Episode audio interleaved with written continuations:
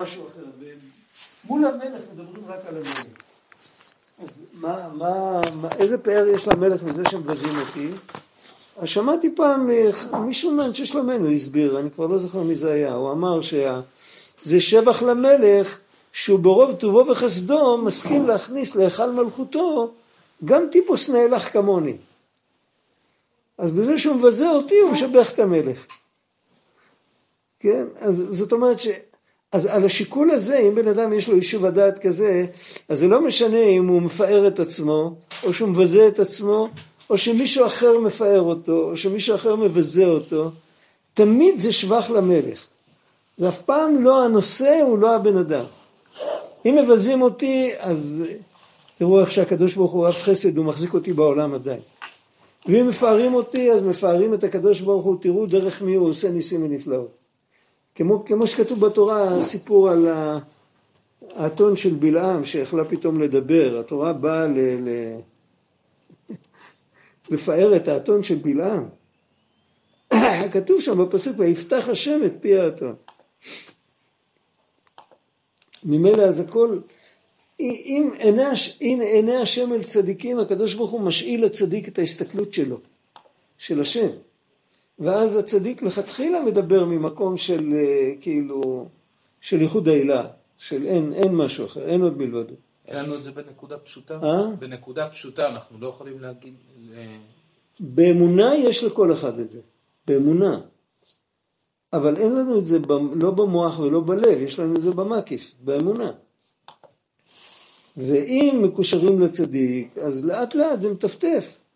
אבל בפשיטות אם יהודי זוכה לאיזושהי מידה טובה או משהו כזה. למידה טובה. כן, או לאיזושהי התחזקות, או להתעוררות. אז הוא צריך להודות להשם. מה זה? אי אפשר להתפאר בזה, כאילו, לא מצד אה, להתפאר על אנשים, אלא מצד אה, לשמוח מהמציאות. לשמוח כן, אבל יש הבדל. אם בן אדם שמח, אז הוא מרגיש שזה לא שלו, שהוא קיבל מתנה. אבל אם בן אדם מתפאר, אז הוא אומר, תראו איזה חכם אני שאני הצלחתי. לשמוח ולהתפאר זה שני דברים הפוכים. ומי שמקושר לצדיק הוא שמח, מי שלא מקושר לצדיק הוא מתפאר. אבל מי יכול להיות מקושר לצדיק? הלוואי ונזכה. אבל נתנו לנו מצווה שנקראת תפילין, שבתוך המצווה של התפילין יש באופן נסתר, יש שם את הכוח של להתמסר לגמרי להשם יתברך ולא לעשות מעצמנו עסק. בזכות זה נחיה בתחיית המתים. הכוח הזה זה הענווה בעצם, לא? זה, זה ענווה, אבל זה לא במודע, זה לא ענווה שעבדנו עליה, למדנו אה, אורחות צדיקים ומידת אה, הענווה והתחלנו לעבוד על זה עד שקיבלנו ענווה. זה כי הנחנו תפילין סך הכל. אבל עכשיו אנחנו יותר קרובים לענווה מאשר מישהו שלא מניח תפילין. לפעמים זה משפיע אפילו על הגוף. כל מצווה שבן אדם עושה היא מזככת אותו. היה פעם יהודי בצרפת, השם ישמור, היה לפני, סיפור מלפני 80 שנה בערך, קצת אחרי. זה היה 75 שנים אחרי, אחרי שנגמרה המלחמה, מלחמת העולם השנייה. יש שם איזה יהודי שהצליח לשרוד וזה, אבל הוא היה, הוא היה מזלזל במצוות, היה צוחק על הכל. זה סיפור אמיתי, אנשים אמיתיים סיפרו את זה. ו... והוא בעיקר, הוא זלזל בתפילין. הוא היה צוחק, אה, לוקחים קופסה שחורה, שמים על הראש, מה זה הדבר הזה? וכשהוא נפטר, הבן שלו לא היה לידו. היה מוצאי מלחמה, היה כזה בלגן שם, בכלל יהודים בקושי התאספו. והוא נפטר וקברו אותו עם תנאי שאם הבן יבוא וירצה מקום אחר, אז... אה, ואז הבן הגיע ולא מצא חן בעיניו המקום שקברו את האבא. זה היה כמה ימים ספורים אחרי שהאבא נפטר, והגוף של האבא עוד היה שלם לגמרי, במקום של הנחת תפילין של יד, מקום של הנחת תפילין של ראש, היה מלא תולעים. זה סיפור שסיפרו אנשי אמת. זה לא סיפור מאיזה ספר. זה... זאת אומרת שזה משפיע גם על הגוף, וגם על היד של מניחת תפילין היא יד אחרת. ובצורה כזאת זה גם משפיע על הנפש. זה... אבל זה רק בחינה של פני הצדיק, זאת אומרת זה רק ה, ה, הכוח שאנחנו מקבלים, כמו שהיינו מקבלים באמת מראיית פני הצדיק. כאילו למה כן, אנחנו... גם שם נשאר בחירה. הבן אדם יכול לראות את הצדיק ולהישאר בעל גאווה. כן, אבל פני הצדיק זה היותר גבוה מהתפילין. הפנימי הצדיק יותר. זה יותר תכליתי, זה יותר משפיע, כי זה יותר מודע. זה משפיע. זה לא שזה יותר גבוה או פחות גבוה, זה פשוט, זה יותר, אתה עומד מול, אתה רואה יצור חי, מסתכל לך בעיניים, אה, כן, ואתה מתבייש, זה אחרת. ופה אתה באמת בגשמיות, מה אתה רואה? אתה לא רואה כלום. אז הכוח הוא יותר נסתר, אבל הכוח הוא אותו כוח. זה מעשה הענווה זה לדעת שאני, כלי- שאני כלי שדרכי זה אז נעשה זה הדבר. הענווה האמיתית. ענווה האמיתית זה לדעת שהכל בא מאת השם. זה לא... הוא כותב את זה פה בהמשך, שאין שום עניין להיות, אה, להחזיק את עצמו, שבן אדם יחזיק את עצמו לא מוצלח, או לא חכם, או לא זה, זה. אין, אין שום עניין בזה. כל אדם, זה תחשוב בן אדם שהוא מטר שבעים והוא אומר שהוא מטר שישים, כי אסור להתגאות. זה שקר, זה לא ענווה. כל אחד צריך לדעת בדיוק את המקום שלו, צריך לזכור שזה בא מאת השם. אם הוא מייחס את זה לעצמו, זה, זה גאווה. גאווה זה שקר. לא מובן. כן, כן, אני אומר. מה, אז למה הצדיקים כותבים מה שפל באמת? הצדיקים, צדיק שיכול לחתום את המכתב שלו. שיכול, שפל באמת, צדיק. יכול כן. הוא כותב, השפל באמת, אבל גם השפל- הקטן- קטן שבעם, מזה ומזה, או לא יודע. כן, בסדר, אבל לא, לא בגלל שהוא לא יוצלח, אלא בגלל שהוא זכה להגיע, הוא מפאר את השם על זה שהוא נתן לו מתנה, שהוא יראה עד כמה הוא מצד עצמו הוא עין ואפס. אבל זה, זה תודה. היה הרב מנשה בן ישראל, יודעים מי זה היה? אחד, אה, זה שפעל אצל מלך אנגליה שהרשה ליהודים להתגורר שם. הוא היה אחד מגדולי המקובלים, הוא היה הרב של הקהילה הפורטוגזית באמסטרדם. איזה שנים? כן, כן. לפני המון שנים זה היה. זה שהיה גירוש אנגליה. 630, משהו כזה. משהו, כן, זה היה...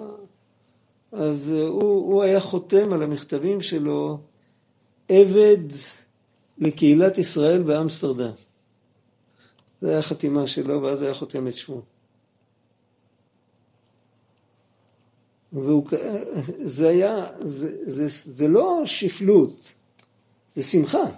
הוא זכה לשרת את בני אברהם, יצחק לא, זה ויעקב. משהו אחר, זה גם, אה, זה גם הרב קוק ככה היה כותב. כן. זה לעם הקדוש על אדמת הקודש. זה- נכון, נכון, זה נכון. זה לא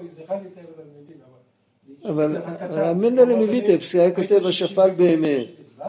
רב מנדלה מוויטבסק היה חותם השפל באמת. השפל באמת הוא התכוון להגיד שלא, אני לא כותב שפל כי זה כאילו, כן. זה סלנג כזה, אלא אני באמת, כן. אני באמת, זה, זה מה שאני. אבל זה, זה תודה, אם בן אדם יודע שהוא שפל, זה מדרגה גבוהה. זה כאילו השקוף באמת. שיקוף. כן, זה בערך, בערך אותו, אותו רעיון. מה זה העניין הזה של שקוף?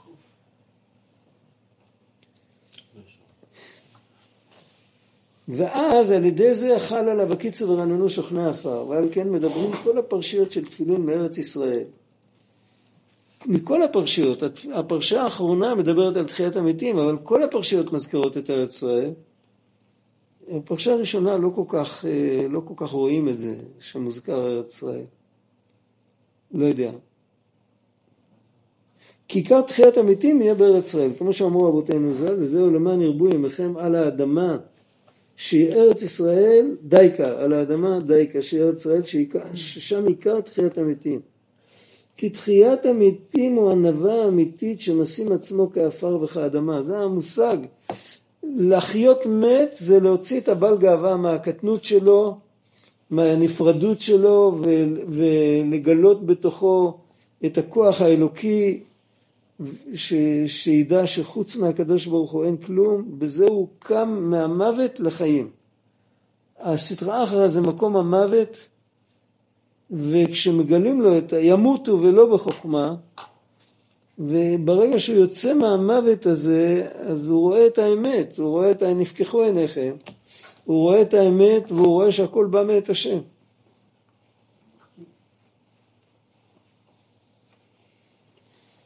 וזה זוכים דייקה על ידי עפר ארץ ישראל.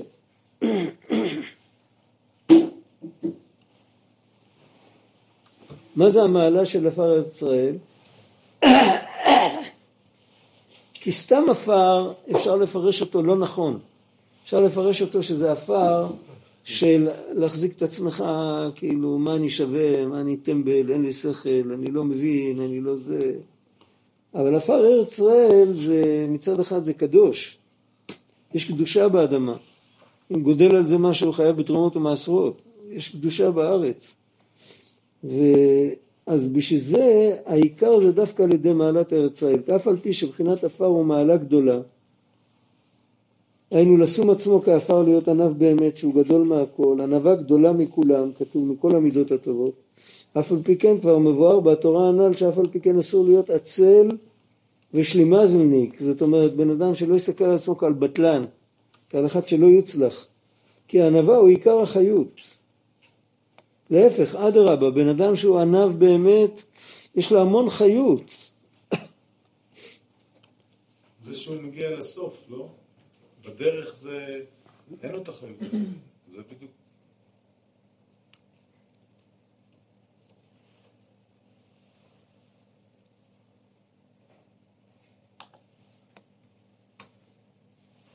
אני פעם שאלתי מישהו, היה, היה מישהו סיפר שיש איזה קיטל של אחד מגדולי הצדיקים שעבר בירושה והמשפחה נגמרה ומישהו לקח את זה, קיצר זה נמצא באיזה יישוב בשומרון, יש שם קיטל של איזה, לא יודע, זה עבר, זה עבר בירושה כמה דורות.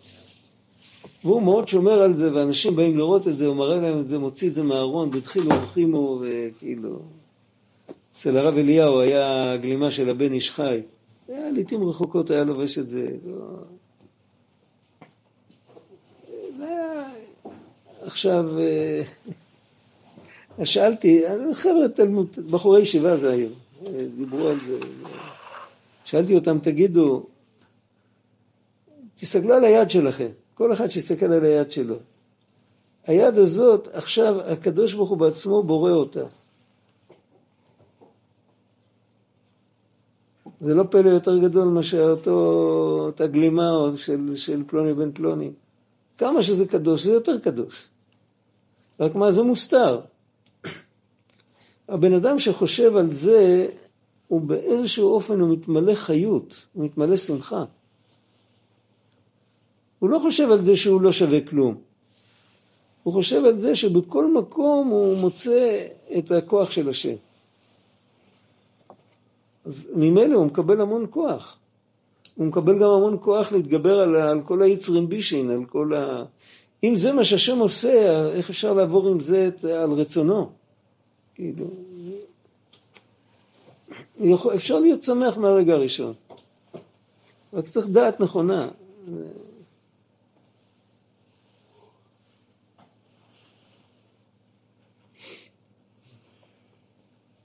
כי יש להפך, יש ענווה שהיא לא ראויה, כי בחינת עפר דסיטרא אחרא, שעיקר אחיזת הסיטרא אחרא נשיכת הנחש הוא שם, בעפר הזה, שהוא בחינת ונחש עפר לחמו.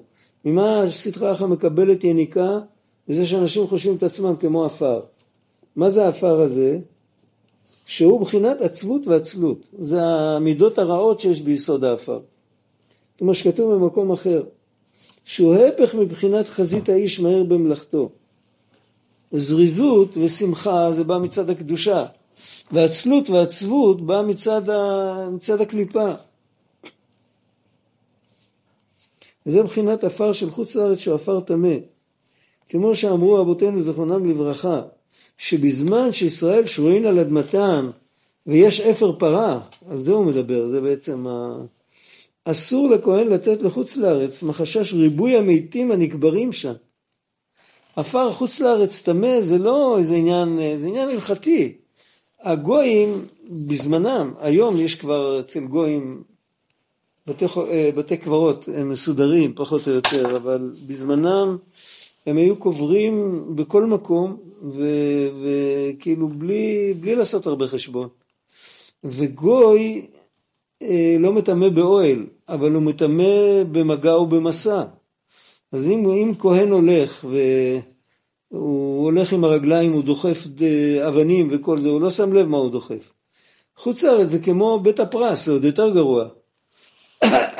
זה כאילו, יכול להיות שהוא כל הזמן מזיז עצמות של מתים והוא לא יודע, יחזור הביתה, יאכל תרומה, לאכול תרומה בטומאה זה איסור חמור. אז גזרו על הכהנים שלא יצאו לחוץ לארץ. רק אם uh, לוקחים איזה שטח בחוץ לארץ ומנקים אותו. כל פעם, אם מנקים שטח אז אפשר להיות שם. אבל כל זמן שלא ניקו את השטח, לא יודעים מה יש שם, אז חוץ לארץ זה בחזקת טומאה.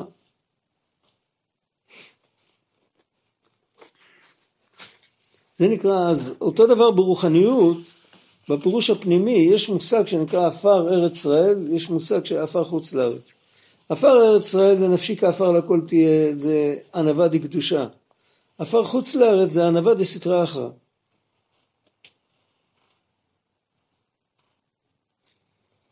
כי שם נאחז ביותר סיטרא דמותא שבחינת עצבות ועצלות שבחינת ענווה פסולה, שבאמת הוא בחינת גדלות. האמת היא שאם חוקרים עד הסוף את הענווה הזאת שבן אדם מצטער על זה שהוא לא שווה שום דבר, הוא יושב ואומר וואי איזה טמבל אני, ראיתם תנועות כאלה שאנשים עושים, איזה טמבל וואי, איזה פשלה, איזה טיפש אני, מה בעצם הוא מתכוון? הוא לא יודע מזה, אבל מה הוא מתכוון? זה, זה כתוב במפורש בסיפורי מעשיות על החכם, שכתוב שקרה לו איזה טעות והוא, והוא מצטער, אז כתוב שם, חכם כמוני, איך הגיע לטעות כזאת? שם רבנו כותב את זה במפורש. אבל האמת אצל כל האנשים, הם לא חושבים חכם כמוני, אבל בפנים משהו חושב ככה. יש בפנים איזו נקודה שבן אדם לא, לא יודע, אבל בפנים הוא חושב, זה לא בסדר שאני אני כזה טיפש, איך זה יכול להיות? זה, זה כאילו, זה מתנגד למובן מאליו שלו. אז מה יוצא, מה המובן מאליו שלו? שהוא חכם. וזה גדלות, הענווה שסתרה אחריה זה בעצם ביטוי של גדלות, ביטוי של גאווה. ועל כן צריך לכל אחד לקדש את עצמו בבחינת קדושת עפר ארץ ישראל. יהודי צריך ללמוד מעפר ארץ ישראל ולא מעפר חוץ לארץ. עפר חוץ לארץ שמתעסקים עם זה יוצא מזה טומאת מת. עפר ארץ ישראל מתעסקים עם זה, יוצא מזה תרומות, מעשרות, קורבנות, כל הדברים האלה. זאת אומרת שיש שני סוגי ענווה, יש ענווה שאם מתעסקים איתה אז רק יורדים, יורדים מדחי אל דחי, רק נהיים כל פעם יותר עצובים ויותר אצילים, ויש ענווה שהם מתעסקים איתה אז יספו ענבים בהשם שמחה, אז רק שמחים יותר. וכתוב בסוף השמחות את פניך, ככל שהענווה מגיעה מזה שרואים את הפנים של השם, לא מזה שחושבים שאני טמבל, אלא מזה שהשם הוא פה, אז יש סוף השמחות. אם בן אדם כל הזמן מתרכז בזה שהוא הטמבל, אז הוא יורד מהדרך. אז אין לו עולם הבא, הוא הולך לחפש את האבות. למה זה נקרא ענווה פסולה? כי ענווה היא מידה טובה. אז רוצים להגיד שהענווה הזאת היא לא מידה טובה, אז אומרים שזה ענווה פסולה. כי אם יגידו, יקראו לזה סתם ענווה, אז איך שיגידו, וואה, ענווה, הלוואי עלינו. זה לא ענווה, אם זה ככה, לפי ההסבר הזה. זה, זה נראה כמו ענווה. נראה ומריח. זה נראה כמו ענווה, אז צריך להגיד שזה ענווה פסולה. כשאתה אומר על משהו שהוא אתרוג פסול, אז אה, זה נראה כמו אתרוג. אבל תדע לך שאי אפשר לקיים עם זה את המצווה. ועל כן מדברים הפרשיות של תפילין מארץ ישראל, כי שם עיקר תחיית המתים שבחינת תפילין כנזכר לעיל. עכשיו זה צריך להבין, רבי נתן מדבר על תחיית המתים, אז בדרך כלל רבי נתן יש לו יותר ממשמעות אחת לדיבורים שלו. הוא מדבר הרבה פעמים בכפל משמעויות, לפעמים אפילו בארבע, חמש משמעויות. המושג של תחיית המתים יש לו שתי משמעויות. יש משמעות אחת של תחיית המתים שאומרים ב-13 עיקרי אמונה, ויש משמעות של תחיית המתים שיכולה לקרות כל רגע לכל אחד מאיתנו. כשבן אדם יוצא מהקליפות והוא מתקרב לקדושה, זה בחינת תחיית המתים. ועל זה הוא מדבר בעיקר, על הנושא הזה. אנחנו צריכים להתחיות, לא להישאר מתים.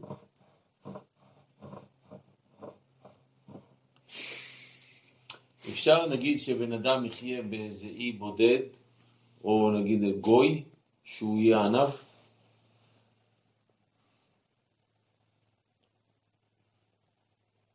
למה אתה חושב שלא יכול להיות? כי זה. משהו, כל מה שאני מבין עכשיו בענווה, זה, זה משהו שהוא בפנים, בנפש מאוד מאוד חזק. גם הגאווה מאוד חזקה בנפש. כן, אבל זה לשנות, כאילו מילד שהוא קטן בגן, תסתכל עליו, נגיד הוא מנסה להרכיב משהו או לעשות משהו, הוא נכשל, אז הוא עצוב מזה, הוא מתבייש מכולם. אז זה משהו כאילו, זה... זה... זה, אבל זה, אם אם, הוא היה, אם הוא היה גודל במקום אחר, בתרבות אחרת, אז יכול להיות שלא היה מפריע לו. זה התניה, זה לא, זה לא, הוא לא נולד עם גן דפוק. זה התניה, זה כאילו, הוא חונך לקראת זה. הוא איך, חונך, הוא עכשיו קטן, תינוק, הוא לא כמה שהוא. קטן, ילד קטן, בן שנתיים, כשהוא משחק ומסתכלים עליו, אה, הוא מתחיל לשחק יותר מסודר ויותר יפה, הוא אוהב למצוא חן בעיני אחרים. פעם אני שאלתי למה זה, אז אמרו לי שכתוב אין בעוון חוללתי ובחטא יחמת נעימי, מהתאווה של ההורים בשעת הזיווג, מזה נהיה התכונה אצל הילד שהוא צריך למצוא חן בעיני אחרים. החברה מחזקת את זה, אבל זה מתחיל משם. מה יהיה אם בן אדם היה לו קדושת הזיווג כראוי? אז uh, הילדים שייוולדו לו, זה כבר לא יהיה להם מלידה, זה כבר יהיה רק חברתי, רק, רק מהסביבה. אז יהיה להם יותר קל להיפטר מזה. אבל תמיד אפשר להיפטר מזה, כי זה לא, זה לא הטבע, זה ברור, זה לא הטבע. הטבע, יש טבע של בן אדם שהוא חברותי, שהוא לא אוהב להיות לבד, הוא לא אוהב להיות בודד, הוא אוהב להיות ביחד עם כולם. ואנחנו כאילו מערבבים עם זה, עם הטבע הזה, גם את הטבע שהוא אוהב שיחזיקו ממנו. אבל זה שני דברים. יש אנשים שמאוד חברותיים, והם מאוד אוהבים חברה ולהיות עם כולם ולשמוח, ובכלל לא דרוש להם שמישהו יחזיק מהם. יש אנשים שהם בודדים והם אוהבים להיות לבד, ודווקא מאוד דרוש להם שמישהו יחזיק מהם. זה שני דברים שונים. העניין הזה של להיות חלק מהחברה, זה כתוב ברמב"ם, האדם הוא מדיני בטבעו, פירוש המשניות כתוב, בן אדם אוהב חברה. לוקחים בן אדם, שמים אותו במקום שהוא לא רואה אף אחד, אז הוא, זה יכול להזיק לו, זה יכול להשתגע מרוב, מרוב בדידות. זה, זה, אלא אם כן הוא צדיק גדול. אבל מצד שני, הבן אדם שצריך שיחזיקו ממנו, זה כבר לא חלק מהטבע של האדם. זה מגיע מכל מיני קלקולים, או שלו, או של ההורים שלו, או של הסביבה, או של... אז אפשר להיפטר מזה, זה לא... זה לוקח קצת יותר זמן. זה לא סוף העולם.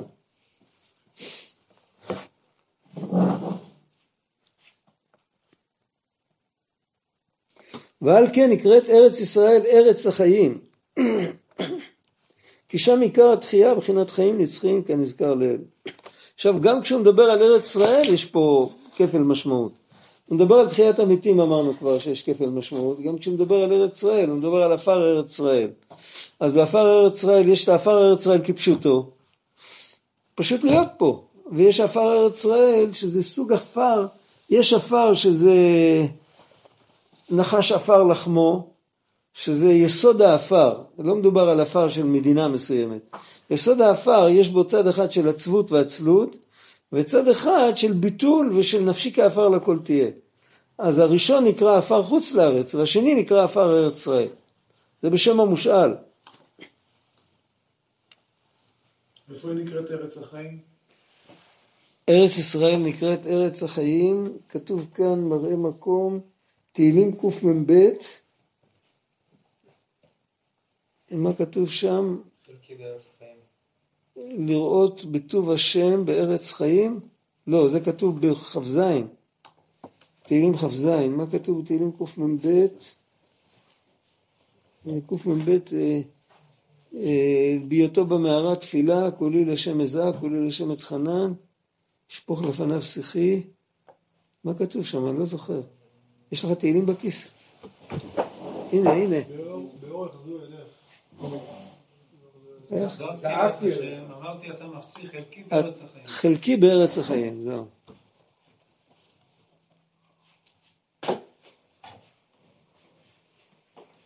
אז בפשט מדובר על ארץ ישראל.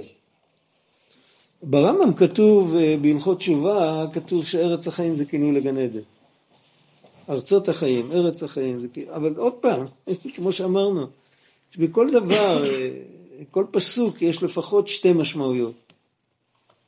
כשאתה אומר ישועת השם כהרף עין, אז זה יכול להיות שמציל אותך מגזלנים, יכול להיות שמציל אותך מהיצר הרע. ולהפך, מי שרוצה לשים לב יותר טוב לפסוקים, התודעה שלנו, דיברנו על זה פעם, היא תודעה נודדת, אנחנו לא יכולים לחשוב על דבר אחד כל הזמן. אנחנו כל הזמן זזים. אז אם נותנים לו, לבן אדם, בכל פסוק שתי משמעויות, אז, אז, אז הוא שם לב לפסוק. אם נותנים לו רק משמעות אחת, אז אחרי חמש דקות הוא נרדם, הוא כבר לא מכוון יותר. וכמובן צריך בשביל זה הרבה יותר זמן, אי אפשר לעשות את זה עם כל התהילים אה, או עם כל התנ"ך, אבל אה, מדי פעם לשים לב, אה, לראות את הפשט ולראות ביחד עם זה, לראות יש בזה, זה, זה, גם, זה גם משמש כמשל למשהו יותר גבוה. ואז מתחילים לחיות עם זה. עצם זה שנודדים מכאן לכאן, רבנו אומר שהחום נולד מתנועת המוח. זה תורה, מי זוכר את זה? זוכרים תורה כזאת? והחום זה כבר שובות האלה לבביך, החום זה כבר בלב. אם לא נותנים למוח לזוז, אז זה לא מדבר אל הלב. זה פלא הדבר הזה. זה, זה הלימוד בעיון. הלימוד בעיון. כן. לא שזה המאמר. זה- כל הזמן זזים. כן. כן. אבל גם בתפילה פשוטה, בהצילני מיתית ואלת בעין, הצלה משונאים ומעמקי מים, יש בזה תמיד לפחות שתי משמעויות, יכול להיות עוד הרבה יותר, אבל זה נותן, זה נותן, זה כמו שרואים אה, תמונה בתלת מימד, או שרואים אותה רק ב... כאילו ב, על, על מודפס. כשאתה רואה בתלת מימד אתה מתפעל הרבה יותר. זה, זה מה שקורה במוח כשאתה...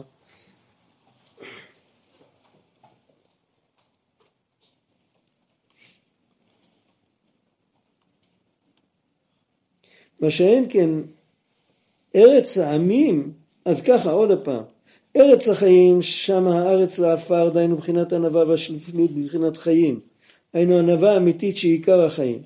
מה שאין כן ארץ העמים הוא בחינת ארץ לעפר טמא, ששם סיטרא דמותא. היינו בחינת ענווה פשוטה, ענווה אה, פסולה, סליחה. ענווה פסולה שאינו חי חיים אמיתיים על ידי העפר, דהיינו השפלות. השפלות לא, לא מחיה אותו, להפך, רק נופל על ידי זה עד לעפר חס ושלום. שזה מבחינת עצבות ועצלות. הפשט כאן, צריך להבין את זה, אם, מה המוטיבציה של הבן אדם? אם יש לו מוטיבציה להתקרב להשם, לעשות נחת רוח להשם, לשמוע בקול השם, אז ככל שמורידים ממנו את הגאווה ואומרים לו, תשמע, אתה עין ואפס, כל המציאות שלך זה אך ורק השם יתברך, אז על ידי זה יש לו יותר שמחה. הוא יותר קרוב להשם. זה מה שאני מחפש. סיפרתי לכם פעם, היה אצלנו זקן, שהיה אומר, הייתי עוד ילד, היה זקן, זקן, אפשר לספר עליו שעתיים, רק סיפורים על עבודת השם שלו. והיה אומר, אם מישהו מבזה אותך, תגיד לו תודה, הוא חוסך לך עבודה. ישמע ביזיונו וידום ואשתו. הוא, הוא מגיש לך את זה על מגש של כסף, ככה בן אדם צריך לבזות את עצמו עם וידויים ועם אה, זה. הנה, ישמע ביזיונו, נותנים לך, בחינם. מי שעושה לך ביזיון, תגיד לו תודה, חסך לך עבודה. אז זה, זה צד אחד של התמונה. הצד השני של התמונה, שבן אדם רוצה להיות מישהו, הוא רוצה להיות משהו. זה עיקר המוטיבציה שלו. עכשיו, אם, הוא, אם יגידו לו, תשמע, אתה בן כה אף פעם לא תהיה משהו, כי תמיד רק השם יתברך עושה את הכל, וזה. אז אתה הוצאת לו את כל המוטיבציה, הוצאת לו את כל, ובאמת חז"ל אמרו שצריך להיזהר עם זה. לעולם יעסוק אדם בתורה ומצוות שלא לשמה, אבל את האמת צריך לדעת. ואם בן אדם רואה שה... הוא רואה שמזה שהוא קורא בספר, הוא קורא שהכל זה רק השם לבדו, ואיך כתוב שם, אפילו ריש גרגותא, בגמרא כתוב, אתם זוכרים את זה? אפילו אחד שממונה לסדר את התור מי ישאב קודם אה, מהנהר. אז אה, מהשמיים מינו אותו, כאילו זה לא הכישרונות שלו ולא הסדר ולא הכלום, הכל הכל בא משמיים. יש בן אדם שקורא את זה בגמרא, זה שובר אותו, זה כאילו, אז מה, אם כן, למה זה אנוכי? אז, אז אל תקרא את זה. רבי נתן אמר פעם לתלמיד שלו שהיה לומד אה, ראשית חוכמה, שער היראה. ושם יש, הוא מביא כל מיני ברייתות, מסכת גיהינום, מדור ראשון, מדור שני, מדור שלישי, ויש שם עוד, אה, אה, יש, יש מסכת שנקרא חיבוט הקבר, זה הכל מקורות חז"ליים. הוא מביא את, הוא מעתיק את הכל שם, ואז אה, זה ברייתות. ואז התלמיד הזה היה מאוד שבור מזה, מאוד אה, כאילו, זה, הוציא לו את כל החשק בכלל, היה בסכנה גדולה. רבי נתן אמר לו, רבי אליהו דיווידש לא חיבר את ראשית חוכמה כדי שאתה תהיה בעצבות. אם עצוב לך, תיקח ספר אחר. עכשיו, יכול להיות יהודי אחר, שלהפך זה מחיה אותו. הוא אומר, איזה יופי, אה, כאילו, עכשיו אני מלוכלך, יבוא יום שינקו אותי, ייקחו אותי וינערו אותי, וכל האבק יצא. כמו שעקרות בית עושות לפני פסח, יעשו לי פסח. זה פסח זה גאולת עולם, זה, זה כאילו... אותו דבר עצמו, תלוי איפה בן אדם נמצא, עם איזה עיניים הוא מסתכל על זה. וכל זמן שבן אדם עדיין לא מקבל את העיניים הנכונות, אז יש דברים שלא צריך להיכנס אליהם. אבל אם לא מתחילים מהצד הזה, זה הכל אם מתחילים, זה מדובר על ראשית חוכמה, זה ספר מוסר, ספר מוסר שבנוי על הזוהר. אבל אם לא מתחילים עם, עם מוסר, הם מתחילים מהצד הטוב, מתחילים מהשמע ישראל השם אלוקינו השם אחד. לא מתייחסים לבן אדם, כמה הוא שווה, כמה הוא לא שווה, רק מספרים באופן כללי שהקדוש ברוך הוא עושה את הכל, ולא לא מדברים על ריש גרגותא, ריש גרגותא זה בן אדם שהתאמץ על, על מינוי. אומרים לו בסוף כל המינוי הזה הוא רק מן השמיים, זה לא המאמצים שלך, אז הוא מרגיש שהוא חוטף סטירת לחי. אבל לא מדברים על מינויים, לא מדברים על בני אדם, מדברים על חיות, על, על צמחים, על כוכבים, על מלאכים. ממילא גם בני אדם בכלל. ממילא גם אני בכלל. אבל לא מדברים על זה, כאילו, לא באים חזיתית לעשות לי ככה, להוריד לי את הגאווה. מדברים על גדולת השם, על חסדי השם, על כל זה. לאט לאט המרכז הכובד, כאילו הפואנטה זזה, זה כבר לא כל כך בתוך, בתוכנו, רק זה עובר למקום אחר, ואז כבר הכל מתרכך, ואז כבר אפשר לסבול את כל ה... אפשר להיות שכן לעפר, והעפר הזה הוא כבר עפר ארץ ישראל, הוא לא עפר חוץ לארץ. זה אחרת, אני חושב שזה מובן, זה, זה דרך אחרת. בשביל זה אה, יש, אה, איך הוא אמר, מוישה קרמר דיבר על זה פעם באריכות מאוד גדולה, שלמדו תורה ז' בחלק ב'. ושם רבנו מדבר על מוכיח ראוי ומוכיח שאינו ראוי. אז הוא אמר שהיה אחד מהעיקרים והיסודות של תורת הבעל שם טוב זה להילחם במוכיחים שאינם ראויים. הוא פשוט נלחם, אבל לפעמים היה מפסיק אותם, הוא לא היה נותן להם לדבר, כי הם רק הזיקו. כי אם הבן אדם עוד לא, עוד לא במקום הזה והוא שומע תוכחות, אז uh, מבאיש את ריחו, כאילו, זה עושה לו רק... מה עם התוכחות שהבן אדם... מוכיח את עצמו, אז גם כן, זה צריך להתחיל, ההתחלה צריכה להיות, מ... אנחנו אומרים מודה אני לפניך. לא אומרים אני מודה לפניך, חז"ל תיקנו ככה שאת האני תשים נאמבר 2. אז קודם כל תחשוב על השם, אחר כך תחשוב על עצמך. למרות שהעבודה, הסדר של העבודה זה קודם לחשוב על עצמנו, נכון? אבל אתה רואה, מודה אני, ברוך אתה השם אלוקינו מלך העולם פוקח עברים. לא אומרים, אני עיוור, תודה ש... אבל כשאני מגיע לאני... אז כשאתה מגיע לאני, אז אתה כבר יצאת מתוך החשיבה הטובה על הקדוש ברוך הוא, תלוי כמה זמן היית שם. הפעם נתנו לזה משל מזה שמכשירים בשר לאכילה. מה עושים דבר ראשון? הולכים אותו. שוטפים את זה, ו, ויש גם, יש כל מיני דעות אם זה, אם זה תקנה דה רבנן או מנהג, לא ניכנס לזה, אבל צריך לשרות את זה במים. משרים את זה במים, למה? כי אולי, בסדר, שטפתי את זה, אז אין דם על פניו, אבל אולי הדם מתייבש, אולי, אולי הבשר קשה בפנים יותר מדי והמלח לא יגיע לשם. משרים את זה במים, וזה צריך לשרות, אה, בשעת הדחק אפשר לשטוף וגמרנו ולמלוח, לא צריך, גם אפשר למלוח רק 18 דקות, אבל בלכתחילה צריך לשרות איזה חצי שעה, למלוח את זה שעה, ואחר כך לשטוף את זה טוב. מה זה החצי שעה הזאת? חצי שעה זה, זה יש איזה, איזה משמעות הלכתית. סמוך למנחה זה חצי שעה. חצי שעה זה, יש לזה איזה ערך. כבר יכול לפעול. אם בן אדם שם את הראש שלו בתוך גדולת השם, בתוך חסדי השם, בואו לא נגיד חצי שעה, חמש דקות. כמו בשעת הדחק, ש... שייכנס, שהוא יתרכך קצת. אחרי זה שמים את המלח, אז המלח פועל פעולה טובה. אחרת זה כאילו, זה סתם, זה כמו שתשים את המלח על השולחן. אז את המלח שמים, זאת אומרת, לא מוותרים לשים את המלח. כן, אבל, אבל, אבל צריך לשים אותו מתי שהבן אדם כבר שינה את, ה, את נקודת המוצא שלו. נקודת המוצא שלו היא כבר לא זאת שאני צריך להיות מוצלח. נקודת המוצא שלו זה ששם השם צריך להתקדש. אה, יש, יש פסוק שהשם אמר לאברהם, והגדלה שמך. מה, מה אברהם אבינו היה כזה, כתוב שהיה חסיד גדול, כתוב בחז"ל. והיה צריך שיגדלו את שמו, מה זה, זה כאילו, מה, פיתו אותו, יגדלו את שמו. הפשט הוא שהגדלה שמך, ואברהם אבינו, כל העניין שלו זה לגדל את שם השם. ואם הוא יבוא אחד עם, אה, כאילו, עם, עם חולצה קרועה ועם אה, עם אה, עני מרוד שמחפש נדבות, והוא יבוא לגדל את שם השם, יזרקו עליו אבנים ויצעקו עליו משוגע. אז הגדלה שמך ותהיה נשיא אלוקים אתה בתוכנו, וייתנו לך הרבה כבוד, ואז תוכל לפרסם את שם השם. אז כאילו שאמרו לו הגדלה שמך, אז כאילו נתנו לו כלי. זה ברור. אז ככה צריך להיות.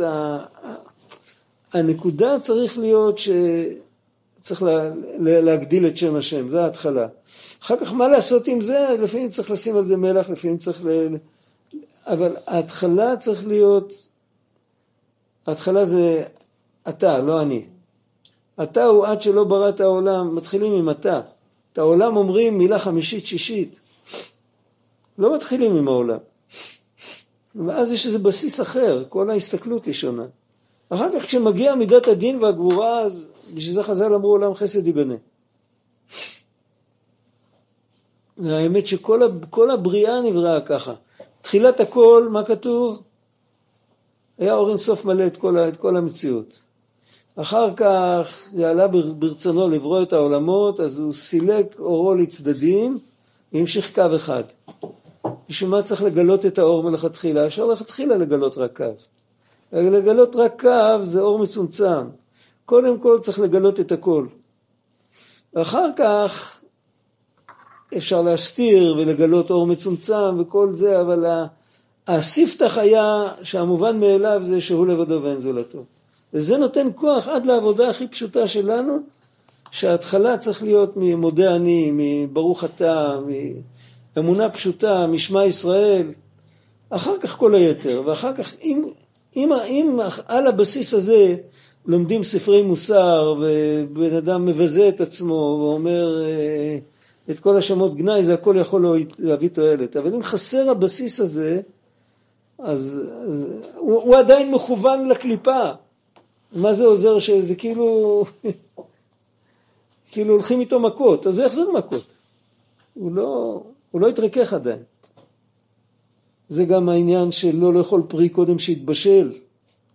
יש איזה תורה, אתה זוכר, הוא כותב מהר"ן, לא לאכול פרי קודם שנתבשלה, סכנה גדולה. הפרי כשהוא מתבשל הוא מתרכך. הוא סולידי, כשהוא, כשהוא, כשהוא בוסר הוא קשה כמו אבן. אי אפשר, אי אפשר ליהנות ממשהו, צריך להבין את זה בהיקף הרחב, כאילו, את כל הדברים האלה.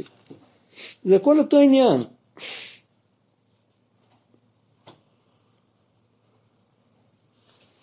שרק, ואז ענווה פסולה שאינו חי חיים אמיתיים על ידי העפר, היינו השפלות, רק נופל על ידי זה עד לעפר חס ושלום, שזו בחינת עצבות ועצלות, בחינת מנפה, נחש עפר לחמו. כנ"ל וכנ"ל. כי עיקר מעלת הענווה שתהיה בבחינת חיים. זה ה checking של הענווה. אם רואים בן אדם שהוא שמח, סימן שהענווה שלו היא ענווה אמיתית. אם רואים בן אדם עצוב, אז הענווה שלו היא ענווה, זה עפר חוץ לארץ, זה עפר, נחש עפר לחמו. מבחינת תחיית המתים שעיקרו בארץ ישראל שהיא ארץ החיים וכנ"ל, על כן צריכים באמת לבקש הרבה הרבה מהשם יתברך שיזכה לענווה אמיתית. שעיקר החיים של כל איבר כמבואר שם בסוף התורה הנזכרת לעיל. מה צריך לעשות עכשיו? להתפלל או להמשיך? להמשיך. מה? להמשיך, להמשיך. איך אתה יודע? כן? וזהו בחינת מצוות אכילת מצה ואיסור חמץ בפסח שנאמר פרשת תפילין, הכל כתוב בתפילין. לא יראה לך שעור, זה- כתוב בתוך התפילין. מצות יאכל ולא יראה לך חמץ, כי צריכים לקדש את אכילתו מאוד. אז זהו, פה, פה הוא חוזר לאותו עניין. כי עיקר המיטה נגזרה על ידי חטא אכילה, צריך להבין את זה. אני לא יודע כמה נספיק, אבל צריך להסביר, אה, יש כמה וכמה דרגות בקליפות.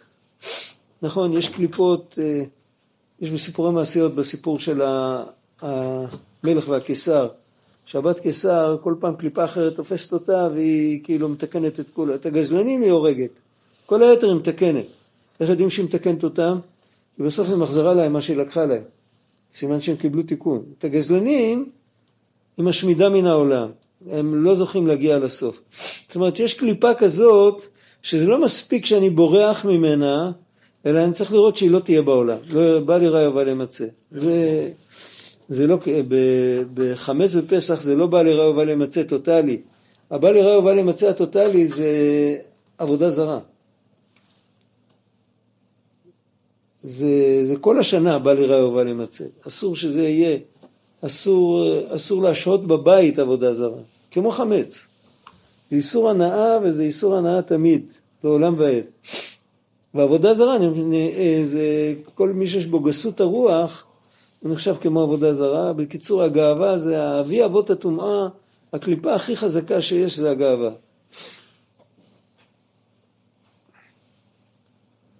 ויש עוד כל מיני אה, קליפות. יש קליפה של תאוות אכילה, ויש קליפה של אה, כבוד, ויש כל מיני, גם בן אדם שהוא לא בעל גאווה, הוא לא אוהב שמבזים אותו, אוהב כבוד. זה לא קשור עם גאווה. לא תמיד, זה כאילו כבדני נא נגד זקני עמך. אל תעשה, אל תגיד לי את זה פה, אל תגיד לי את זה עכשיו, תגיד לי את זה באוזן, שלא ישמעו. אני יודע שאני לא שווה שום דבר, אבל תתנהג יפה. זה, יש כל מיני, עכשיו, בתוך, בתוך כל קליפה כזאת יש המון ניצוצות שבקדושה. ככה זה מופיע שם בסיפור. אצל הגזלנים היה הכי הרבה, היה העושר הכי גדול היה אצל הגזלנים דווקא. היא מוציאה מהם את הכל. אז עכשיו צריך לדעת ש, שלהוציא, בוא נחשוב שבן אדם, זה גם מופיע שם, שם הם איבדו טבעת בתחילת הסיפור. לא כתוב שהם בסוף מצאו את הטבעת. עד סוף הסיפור לא כתוב שהם מצאו את הטבעת. אבל מה, נחשוב, תחשבו שבן אדם קיבל טבעת מהמלך. לא המן, מרדכי. המלך האמיתי. קיבל טבעת מהמלך. והטבעת נפלה לו לתוך מקום לא נקי. הוא חייב ללכת למקום הלא נקי ולהוציא משם את הטבעת, נכון? אחרת הוא מבזה את המלך, הוא משאיר את הטבעת שם. אבל איך מוציאים טבעת ממקום לא נקי? יש משהו, יש ב- בין כלי העבודה, יש משהו שהוא דמוי פינצטה. מכיר את זה? כזה שהוא כל הזמן פתוח, אתה צריך לתפוס אותו, איך קוראים לכלי הזה? פינצטה, יש פינצטה. לא, הוא לא פינצטה של רופא שיניים, זה פינצטה של מסגר, של... לפעמים אתה צריך... אה, ג'פקה. איך? ג'פקה. לא, ג'פטה זה יותר עדין, יותר... מה, איך? יש שפי- שפיצפלייר. עם קפיץ. שפיץ פלייר. כן, שפיץ פלייר. כן, שפיץ. שפיץ פלייר, כן. זה כזה דבר, כזה. אז עם כזה דבר מוציאים את זה. זאת אומרת, זה נוגע ואינו נוגע, אתה לא רוצה להתלכלך. אז אתה, אתה מתקרב, אתה מוציא, אתה מושך החוצה ואתה הולך הלאה. האמת שכשאנחנו מתעסקים עם קליפות, כל החיים שלנו אנחנו מתעסקים עם קליפות. יש קליפה אחת שקוראים לה כוחי ועוצם ידי. אנחנו כל הזמן מוציאים ניצוצות של קדושה מתוך הקליפה הזאת. כל פעם שיוצאים לעבודה, מרוויחים כסף, אז אנחנו שכנים של הקליפה הזאת, וכל פעם שאנחנו אומרים ברוך השם, בעזרת השם, וזה, אנחנו מוציאים את, הקלי, את, ה, את הזה, אבל צריך להוציא את זה, וכאילו, לא, לא, לא להתעסק יותר מדי עם ה... לא להתעסק עם הסחי ומעוז, להוציא את זה נקודתית, וכאילו, שהמחשבה שלנו תהיה דבוקה בדברי תורה, בקדוש ברוך הוא, בזה. אפשר להתנהל אחרת. אפשר נגיד בתחילת היום, בסוף היום, להגיד תודה לך השם על כל הרווח שנתת לי וזה, אבל במשך כל היום אפשר להיות עם התודעה שקועים בתוך ה... אני עשיתי ואני אסע ואני אסבול. אני, אני, אני. ראית איזה יופי? וואי, איזה פטנט. בתוך עבודה, זה קורה, קורה. אותו דבר כשמגיע לאוכל. בן אדם, יש לו שם את הניצוצות בתוך האוכל, מה האוכל, בלי אוכל לא יכול לחיות. אבל אם בן אדם מתחיל לשחק עם האוכל, שזה יהיה כמו אצל פלוני, וכמו אז, וכמו זה, הוא משחק עם המסביב, המסביב הוא קליפה דקה, או קליפת נוגה, אבל הוא קליפה. לא צריך להתעסק עם זה. צריך לאכול ולגמור לאכול ולשכוח. להתיישב, לאכול, לברך, ללכת. ברכת המזון אפשר להעריך. על מי סיפרו, מי סיפרו שברכת המזון לקחה אצלו זמן יותר מאשר כל האוכל? זה לא היה חידוש גדול, כי לא היה לו הרבה אוכל. על מי סיפרו את זה? כן? כן. ברכת המזון לקח לו יותר זמן מאשר כל הארוחה. אז בסדר, אנחנו לא, לא, לא, לא נלך לחקות אותו, אבל על כל פנים, בנפש צריך להיות שה... לדעת מה העיקר ומה טפל, ולהוציא את העיקר מהטפל בעדינות, לא ככה. לא להיכנס עם הידיים והרגליים לתוך כל העניינים האלה. כמה שצריך. לפעמים צריך להכניס את היד למקום לא נקי כי צריך להוציא משם משהו, אז אחר כך רוחצים את היד, אין מה לעשות, אבל לא צריך לטבול בתוך זה. זה ביום חול, לא? ביום שבת זה הסתכלות קצת אחרת. כן, אבל כי בשבת הקליפה איננה. זה, זה, זה משהו אובייקטיבי, זה לא בנפש, הקליפה התפרקה. אז בסדר, אז אין, אז לא צריך את הזהירות הזאת, אבל ב, ב, בדרך כלל, אז... אה, אם הקליפה איננה? אם הקליפה איננה, אז האכילה היא כבר בקדושה. האכילה עצמה. האכילה עצמה היא בקדושה. בשביל זה כאן הוא תופס דוגמה, האמת רבי נתן תופס דוגמה מהקליפה הכי דקה, כי לקדש את האכילה זה, הוא אוכל כשר, והוא בירך, והוא יברך ברכה אחרונה, אף על פי כן הוא צריך לקדש את האכילה. לא מדובר על לקדש את האכילה שיברר אם זה כשר או לא כשר, לא על זה הוא מדבר. והראיה שצריך לקדש את האכילה, כי אם לא מקדשים את האכילה אפשר ליפול, כי בכל אופן זה קליפה, איך שלא יהיה זה קליפה. וצריך לדעת שבתוך הקליפה הזאת יש קדושה, וצריך להתכוון לקדושה ולא לקליפה. כי עיקר המיתה נגזרה על ידי חטא האכילה, היינו על ידי שאכל אדם הראשון מעץ הדעת. ומה זה, באיזה, איזה מיתה נגזרה עליו? ביום אכולך ממנו מות ימות, מות תמות, הרי הוא מת אחרי 930 שנה. עיקר המיתה הוא מבחינת התגברות הישות והגשמיות של החומר. עד שנתעלם מהענווה בבחינת מיתה.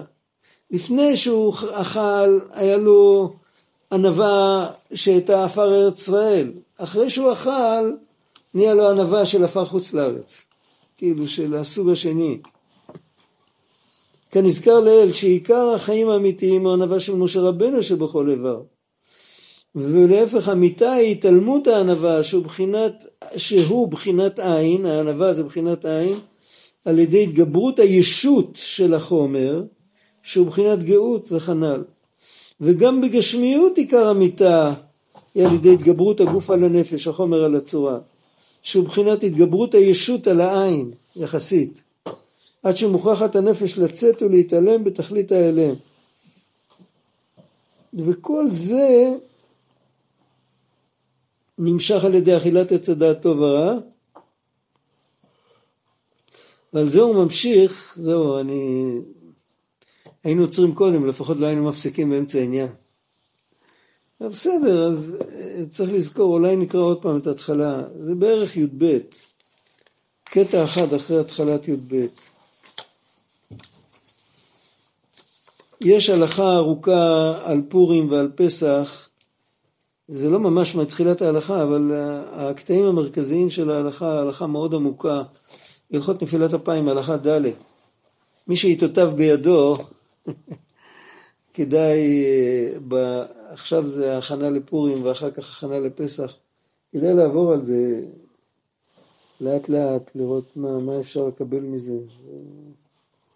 יש שם עניינים... בליקוטי הלכות? בליקוטי הלכות, הלכות נפילת אפיים, הלכה ד', זו הלכה מאוד מאוד עקרונית. אה, אם לומדים אותה לאט, אז משהו נכנס.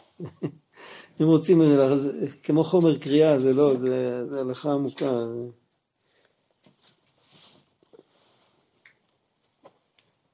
טוב.